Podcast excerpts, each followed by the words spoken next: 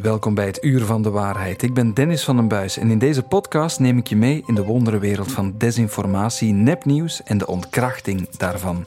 We hebben een opmerkelijke getuigenis van een hacker. Op mijn 16 jaar heb ik ook de website van Hilde Krivits een keer gehackt en er een SpongeBob op gezet. We gaan naar jouw medicijnenkastje. Ik denk bij de, bij de apotheker, als je daar zou vragen naar placebo-pillen, dat ze eens heel, heel verrast zouden kijken van uh, nee, natuurlijk verkopen we geen placebo-pillen. Maar toch blijken ze te koop te zijn en te werken. Maar beginnen doen we in Nederland met een groot satanistisch pedofiel complot waar niets van klopt, maar dat een hele gemeente op zijn grondvesten heeft doen daveren.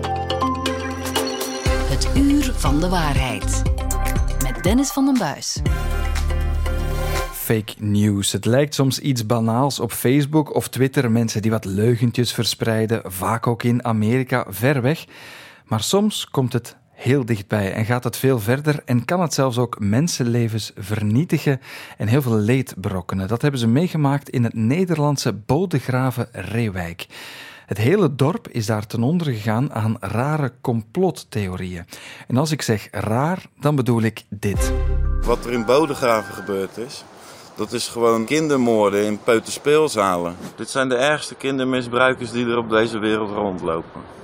Gruwelijke kindermisbruikers. Welkom uh, Rudy Bauma, collega bij de NOS. Goeiedag.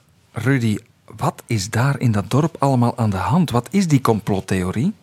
Ja, het wordt wel Pizzagate in de polder genoemd. Naar een Amerikaanse complottheorie die uh, echt tot een uh, ja, explosie kwam. En wat er in Bodegraven aan de hand is, er is een ex-inwoner van Bodegraven, die heet Joost K. En die beweerde op een gegeven moment dat hij hervonden herinneringen had aan satanisch rituele kindermoorden. En daar zou hij als kind in de jaren tachtig getuige van zijn geweest. Uh, maar dat niet alleen. Die kindermoorden die zouden zijn gepleegd door een lokale huisarts die hij kende, maar ook door Jaap van Dissel. En Jaap van Dissel, dat is eigenlijk onze Mark van Ranst, hè, de, het hoofd van het RIVM, die uh, het coronabeleid uh, heeft toegelicht steeds. Uh, en die zou daarbij betrokken zijn. Nou, dat is natuurlijk een waanzinnig verhaal waar geen enkel bewijs voor is.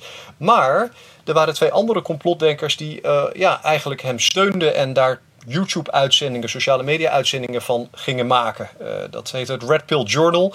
Vorig jaar was dat al. Dan hebben ze met z'n drieën daar uh, urenlang over gefilosofeerd en daar eigenlijk steeds meer gekke dingen bij gehaald. Ja, maar dat zijn drie mensen die dingen beweren. Um, toch zijn er veel aanhangers die dan geloof hechten aan dat verhaal. Ja, dat klopt, want een van die drie, dat is Micha K. En Micha K. is eigenlijk een beetje de complotdenker des vaderlands in Nederland. Die is al heel lang, eh, voordat het hip werd, zullen we zeggen, was hij al met complottheorieën bezig. Die noemt eigenlijk iedereen uh, die die op de korrel heeft een pedo. Die ziet overal ook uh, pedo-netwerken. En ja, daar is hij ook al uh, meerdere keren voor veroordeeld. Voor allerlei vormen van smaad, maar ook bedreiging en laster en allerlei toestanden. hij ontloopt zijn straf, of heeft dat lang ontlopen in Noord-Ierland. Hij is ook al veroordeeld. Hij had de straf uitstaan die hier nog moet uitzitten voor uh, adres van de hoofdredacteur van de NOS, mijn organisatie. Um, uh, maar hij kwam nu dus ja, met die Joost K. en een andere man, Wouter R., met die nieuwe verhalen. En hij heeft al een soort van achterban opgebouwd hier in Nederland, waardoor het een groter publiek kreeg. Ja, en zeker toen ze ook nog eens twee kanalen hadden op Telegram, het Bataafse nieuws. Uh, ja, toen ging het wel heel hard rollen. Ja, want je kan dan nog aanhangers hebben die een verhaal geloven. Het is veel verder gegaan. Hè? Die mensen zijn ook naar die begraafplaats, ja. naar kindergraven getrokken in die gemeente. Zeker, zeker. Ja, die uh, mannen die, ja, die ruiden eigenlijk hun aanhangers op om daadwerkelijk in de auto te stappen en naar Bodegraven te gaan en daar bloemen te leggen op de begraafplaats. En daar is uh, enorm veel gehoor aan gegeven. Op een gegeven moment werd die begraafplaats uh, weekend na weekend overspoeld door mensen die daar inderdaad bloemen en kaarten neerlegden met allerlei rare verhalen over satanische kindermoorden. nou, de eerder genoemde huisarts werd al enorm gestalkt, is echt bedreigd. En de burgemeester die werd ook op een gegeven moment bij dit verhaal betrokken. Um, daarnaast werd dus de eerder genoemde van Dissel, uh, onze RIVM-baas, uh, die werd uh, eigenlijk echt bedreigd in die uitzendingen. Die moest ook beveiliging krijgen op een gegeven moment. die was stiekem ook gefilmd op de fiets door een van deze drie complotdenkers. Nou, die complotdenkers die zijn uiteindelijk voor de rechter gekomen, maar dat verhaal dat leeft nog. Wat doet dat met, met de ouders van kinderen die daar op die begraafplaats liggen? Want we hebben geprobeerd om mensen uit het dorp te spreken. Dat is niet gelukt. Ze zijn echt ja, door wat er daar gebeurd is met die complotdenkers. Hoe kijken zij naar wat er ja, rond het graf van hun kind gebeurd is? Ja, ik heb destijds wel met, uh, met een aantal naasten gesproken die daar wel ervaringen mee hadden. Maar wat je zegt is waar. Hè? Men wil daar eigenlijk uh, het liefst allemaal niet over praten. Maar er was zelfs een vader uh, die dus inderdaad een kind op, die op, op, latere leeftijd overigens is overleden. Um, op die begraafplaats die in, in, in confrontatie kwam met van die complotdenkers die met een raar verhaal bij het kindergraf kwamen, of tenminste bij het graf van zijn kind kwamen. En die um, uh, ja, hij daar eigenlijk moest wegsturen en, en die lieten zich niet wegsturen. En ja, dat was eigenlijk een hele traumatische ervaring voor deze man die ja, uh, het graf van zijn kind uh, bezoedeld zag. Ja, want je hebt die rechtszaken tegen die drie samenzweerders, zeg maar, die complotbedenkers. Toch is het aanvoelen van de mensen in Bodegraven-Reewijk dat de rechtsstaat eigenlijk achterop hinkt bij de snelheid van alles wat er online gezet kan worden. Dat zij en die mensen en die families het slachtoffer blijven van iets wat ja, intussen misschien al wel half is rechtgezet, maar dat het blijft voortleven in die kringen. Ja, dat klopt en dat is het wrangen. Want eigenlijk is dit wel een unieke zaak in die zin dat de gemeente Bodegraven hier bovenop is gesprongen. Die hebben echt aangiftes gedaan, die hebben zelf uh, civiele procedures gevolgd. Er is eigenlijk geen ander voorbeeld mij bekend waarbij slachtoffers van nepnieuws zo ja, agressief erin zijn gegaan en ook zoveel succes daarmee hebben gehad als in deze zaak. Maar niettemin, um, ja, is het nog steeds een verhaal wat rondgaat.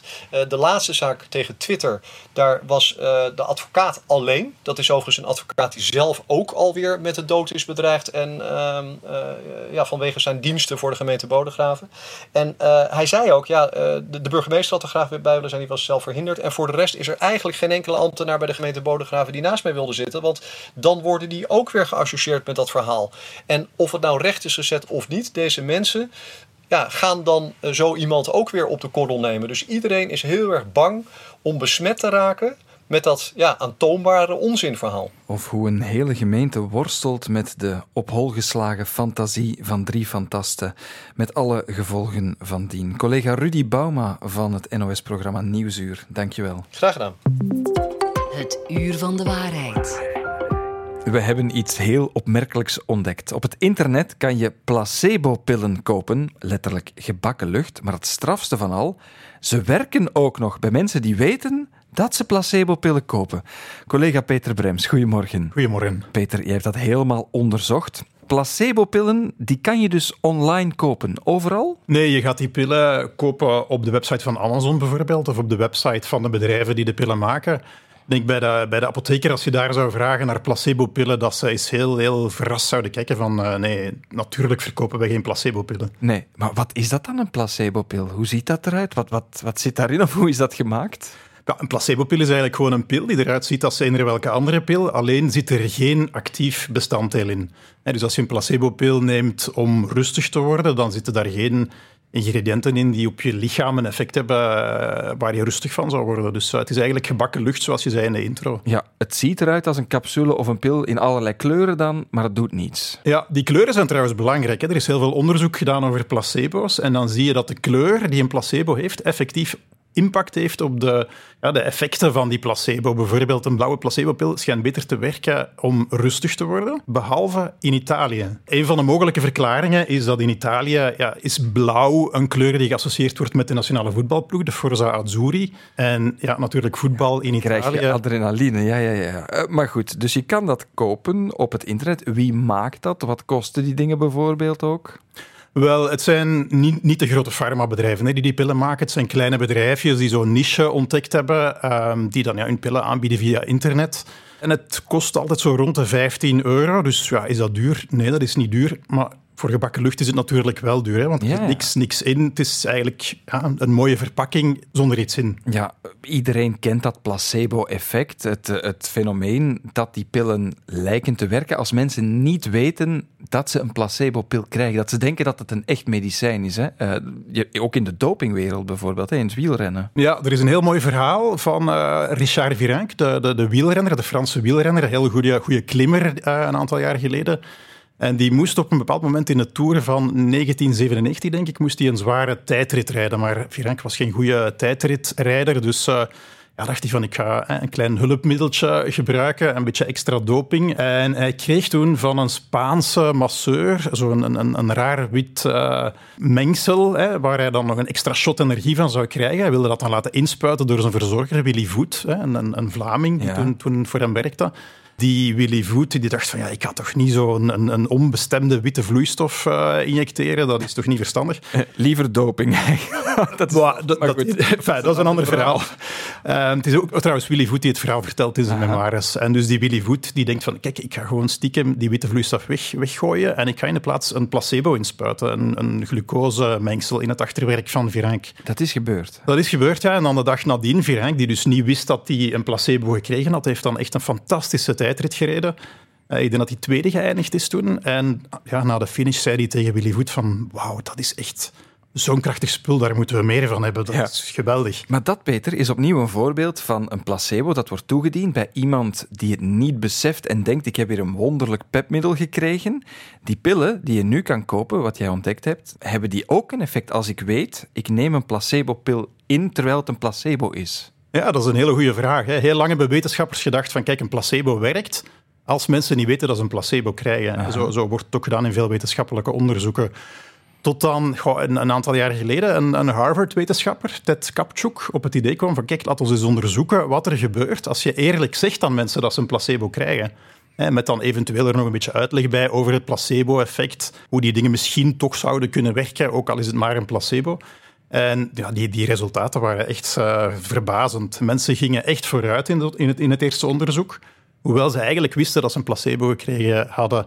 En dus ook eh, een aantal studies in de jaren daarna uh, die toonden dat als je aan mensen een placebo geeft, eerlijk zegt van het is een placebo, zie je bij een aantal mensen toch hele mooie verbeteringen. Ja, ik kan me voorstellen dat dat dan ook gaat over eerder onschuldige aandoeningen, dat je ze niet bijvoorbeeld tegen kanker kan inzetten. Ja, dat is een goed punt. Je gaat natuurlijk niet met een placebo, ook niet met een eerlijke placebo, ga je geen kanker kleiner kunnen maken. Het gaat dan over dingen zoals angst, uh, depressie misschien ook wel, uh, slaapproblemen, dat soort zaken. Migraine, denk je dat er ook onderzoeken gedaan zijn. Uh, maar natuurlijk niet bij kanker of nee, nee, nee. Een, een, hartinfarct. Of, uh... Maar dat appelleert dan eigenlijk wel aan de kracht van, van, van de psyche om te geloven dat je kan genezen of wil genezen. Of hoe, hoe zit dat in elkaar? Ja, ik heb de vraag gesteld aan KU Leuven, professor Omer van den Berg, die heel erg geïnteresseerd is in dit soort zaken.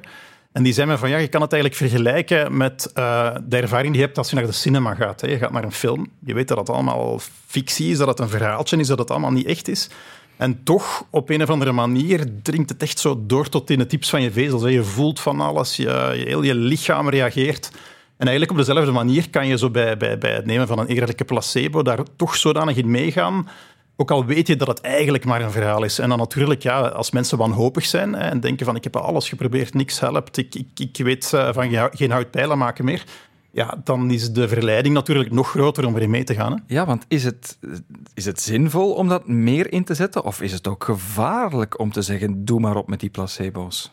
Wel, het is dubbel. Ik denk zo die bedrijven die eerlijke placebo's verkopen, daar zei professor Van den Berg van ja, het is natuurlijk wel riskant omdat dan mensen die wanhopig zijn misschien net die pillen gaan kopen, daar dan toch weer verwachtingen van hebben. Geld besteden dat ze misschien beter anders zouden kunnen besteden. Dus dat is de schaduwkant. Maar ik denk dat er ook wel hele mooie mogelijkheden zijn in de medische wereld. Bijvoorbeeld voor het uh, stoppen met dan uh, ja, toch, toch verslavende medicatie, zware pijnstillers na operaties bijvoorbeeld, zijn, zijn, zijn toch wel verslavend en langdurig gebruik is problematisch. Proberen ze nu mensen te helpen om beter te kunnen stoppen door dan een tijdje de, de echte pijnstiller te geven, tegelijk ook een placebo. En te zeggen ook, je krijgt een placebo. Een eerlijke placebo, absoluut, ja. En dan dus op die manier mensen te helpen om langzaam de echte pijnstiller af te bouwen en de placebo te blijven nemen. En daar zijn ook wel een aantal onderzoeken die tonen dat dat echt wel zou kunnen helpen. Oké, en mag dat eigenlijk zomaar ook verkocht worden? Want het heeft toch wel een zweem van een, een, een medicijn te zijn, hè? Ja, ik heb mij de vraag ook gesteld en ik ben er nog altijd niet uit. Hè. Het is geen medicijn, dus het moet ook niet beantwoorden aan, aan, aan de kwaliteitsvoorwaarden voor een goed medicijn. Het is eigenlijk zelfs geen supplement, het is eigenlijk gebakken lucht die verkocht wordt als gebakken lucht. Heb je het zelf al gekocht of gebruikt, Peter? Wel, ik heb het eigenlijk nog niet geprobeerd. Ik heb het ook nog niet besteld, maar ik zou het eigenlijk wel overwegen. Want ik, ik probeer nu zelfs soms uh, met mijn kinderen, als die dan zeggen van ik heb buikpijn of ik heb dit of dat of, of, of een pijntje dan, dan geef ik soms zo'n onschuldige kurkuma-pil uh, en, die maar niks dan, doet voor de pijn. Een placebo, hè, en dat werkt dan, je, eigenlijk dan doe je wel alsof het iets is dat werkt. Dan ga je je kinderen ook moeten zeggen, hier is een pil die niet werkt. Ja, wel, voilà, maar dat zou ik wel eens willen proberen, van gewoon zo'n placebo's te kopen en dan te zeggen van, kijk, hè, je, hebt, je hebt buikpijn, ik heb hier placebo's en een placebo dat werkt zo en zo en Ja, ik denk dat dat toch zou kunnen werken. Zullen we eens proberen. Maar ik, ja, dat is voor de, de toekomst. Als je dat getest hebt, dan moet je het ons zeker laten weten. Kom je nog maar eens langs in het Uur van de Waarheid. Uh, collega Peter Brems, dankjewel. Graag gedaan. En ik zeg er nog even bij dat uh, wie het rustig wil nalezen ook een heel uitgebreid artikel hierover kan vinden op de website van VRT Nieuws. Het Uur van de Waarheid. De checkers.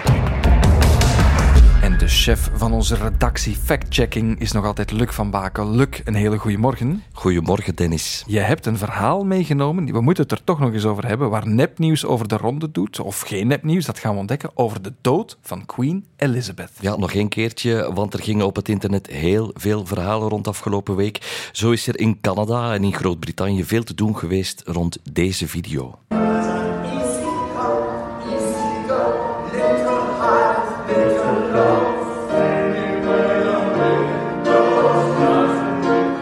Ik herken daar een versie van uh, ja, Queen, hè? Bohemian Rhapsody. Bohemian Rhapsody. En de zanger die je hoort, Dennis, is niemand minder dan uh, de Canadese premier Justin Trudeau. Samen met een pianist in een ruimte die aan een hotel doet denken. En mensen vroegen zich af of die video echt was en of hij dronken was. En sommigen vonden het ook niet bepaald uh, respectvol, zo vlak voor een begrafenis. Ja, dat is een goede vraag. Hè? Wat, wat blijkt? Ja, het klopt. Het kabinet van de premier heeft er intussen zelfs een, uh, een persmededeling over uitgestuurd. Uh, dat het wel degelijk Trudeau was. In de lobby van het Corinthia Hotel in Londen. Dat is op enkele honderden meters van Westminster Abbey, waar twee dagen later de begrafenis plaatsvond. En volgens het kabinet het ging het om een eerbetoon, niet om een feestje of zo.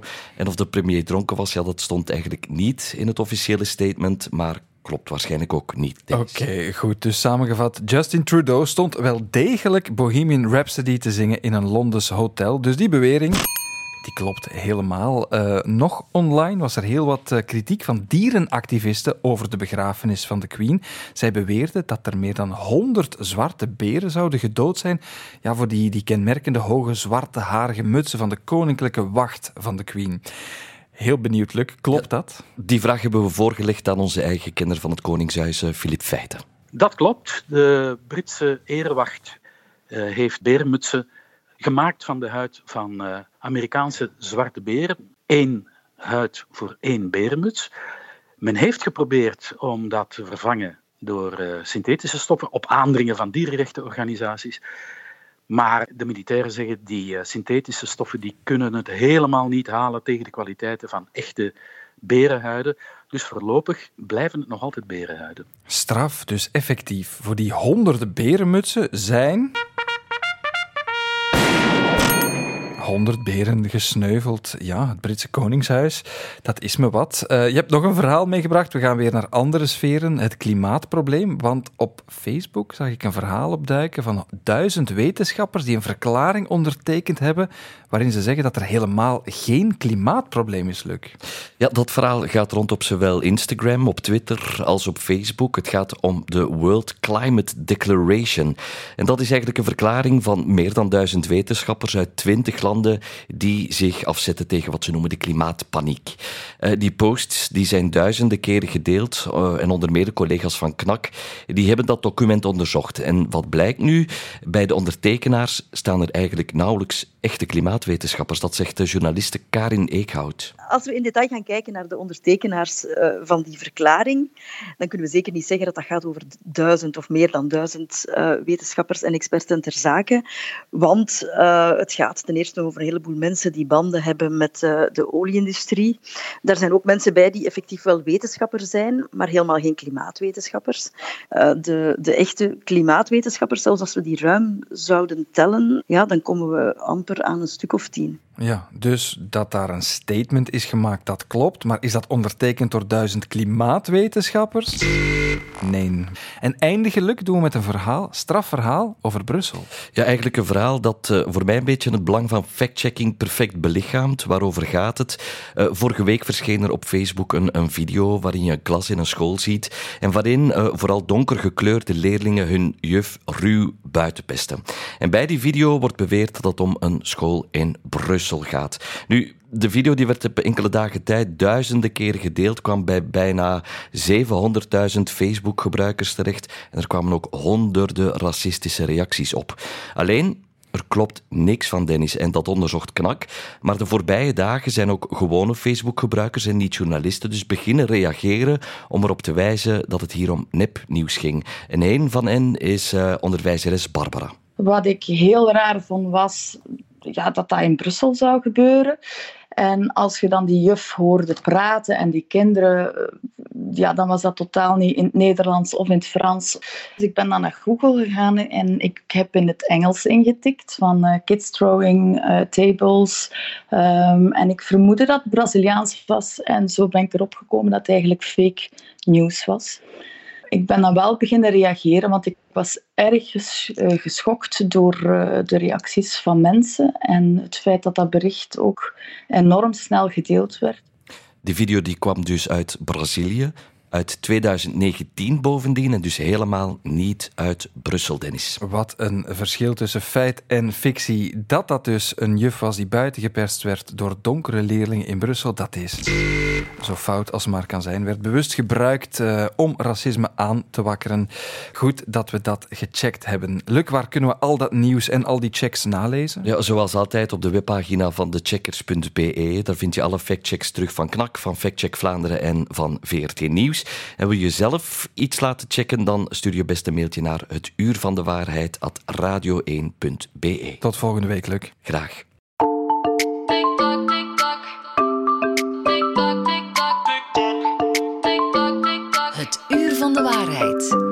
Er zitten dus geen wormen in kinderbueno's. Deze TikTok, een factcheck, is al bijna een half miljoen keer bekeken. Dat is indrukwekkend. En ik heb ja, de ster van TikTok die dat gemaakt heeft bij mij, Marieke Kuipers. Heel goedemorgen, Marieke. Goedemorgen. Hoe ben je eigenlijk ja, daarmee begonnen? Door dingen te factchecken en filmpjes daarover te maken op TikTok? Ja, um, dat heeft met een paar dingen te maken. Ik was al journalist voordat ik daarmee begon. Dus ik had al een paar jaar ervaring met researchen en en ook wel daardoor een beetje een instinct ontwikkeld om te herkennen wanneer iets waarschijnlijk nep is. Um, en ja, tijdens de quarantaine, aan het begin van de coronapandemie, toen uh, ben ik helemaal verslaafd geraakt aan TikTok. Um, dus ik was eigenlijk heel erg fan. En op een gegeven moment zag ik ook allerlei filmpjes voorbij komen waarvan ik dacht, ja, dit, uh, dit lijkt me niet dat dit klopt. Um, maar in eerste instantie maakte ik geen factchecks, um, maar filmpjes over mijn hamsters. Okay. Daar zijn eigenlijk mijn eerste volgers van gekomen. Uh, best wel veel ook, dus die uh, sloegen wel aan. Omdat ja, die hamsters heb ik ook tijdens de quarantaine gekocht om mijn gezelschap te houden. En uh, eigenlijk kwam ik er daar toen ook al achter van... Ja, hier, hier zijn ook heel veel dingen die hierover verteld worden over die hamsters die niet kloppen. Dus dat was eigenlijk een soort van uh, proto-factcheck. Alles over hamsters. Maar ja. ja. nu doe je het met heel populaire filmpjes. Filmpjes die hun weg vinden, ook naar een jong publiek. Uh, filmpjes waar heel veel zaken dan niet over kloppen. Over welke thema's doe je allemaal factchecks? Ja, dat gaat echt van heel erg um, ja, luchtige onderwerpen of ja, niet zo belangrijke onderwerpen, zoals bijvoorbeeld die Bueno-reep. Dat je denkt, ja, hier zijn best wel veel kinderen bang van. Dus in die zin is het wel belangrijk, maar het is, geen, uh, ja, het is niet bijvoorbeeld een complottheorie over uh, vaccins of over de Great Reset, waar ik ook wel eens filmpjes over maak. Dus het, ik maak eigenlijk twee types. De iets luchtigere kleine dingetjes uh, die voorbij komen op TikTok, die onzin zijn. En ook de wat grotere, zwaardere onderwerpen. Ja, want het zijn filmpjes die, die best wel zijn tijd duren. Het is niet dat jij in 30 seconden heel snel alles op een rijtje wil zetten. Wie, wie hoop je te bereiken met, met jouw filmpjes? Uh, zoveel mogelijk mensen eigenlijk. Eigenlijk de mensen natuurlijk het liefst die dan die verkeerde informatie voorbij hebben zien komen op TikTok. Dat is ook altijd. Meestal begin ik ook met een TikTok, iets wat ik op TikTok voorbij heb zien komen, uh, wat niet klopt. Uh, omdat ik dan ook hoop dat ik met die factcheck de mensen die die TikTok hebben gezien uh, kan bereiken. En ja, het kan dus wel echt uh, inhoudelijk zijn op TikTok. Ja, en, en krijg je daar veel reactie op? Want ja, je probeert die desinformatie dan, dan tegen te gaan. Heb je het idee dat dat lukt? Krijg je reacties van je volgers? Zeker, ja, heel veel reacties. En die, die zijn ook wel overwegend positief. Um, vooral als het bijvoorbeeld dingen zijn waar, nou ja, die Bueno-reep, Bueno-reep, die die dan, waar dan wormen in zouden zitten. Ja, die video's die waren honderdduizenden keren bekeken. En er waren allemaal bange kinderen van, oh nee, nu durf ik nooit meer zo'n reep te eten. Um, dus die zijn natuurlijk heel blij als ik ze vertel van, nee, maak je geen zorgen, er zitten geen wormen in. Um, maar ja, die wat zwaardere onderwerpen, die leveren dan soms ook hele positieve reacties op, maar soms ook wat meer de negatieve reacties van jij zit in het complot en uh, je liegt. Ja, want je hebt een journalistieke achtergrond. Je doet dit, dit zijn echte checks. Het is niet dat je zomaar een filmpje met jouw mening in uh, verkondigt. Je, nee. je, legt uit hoe, het echt, hoe de vork echt uh, in de steel zit.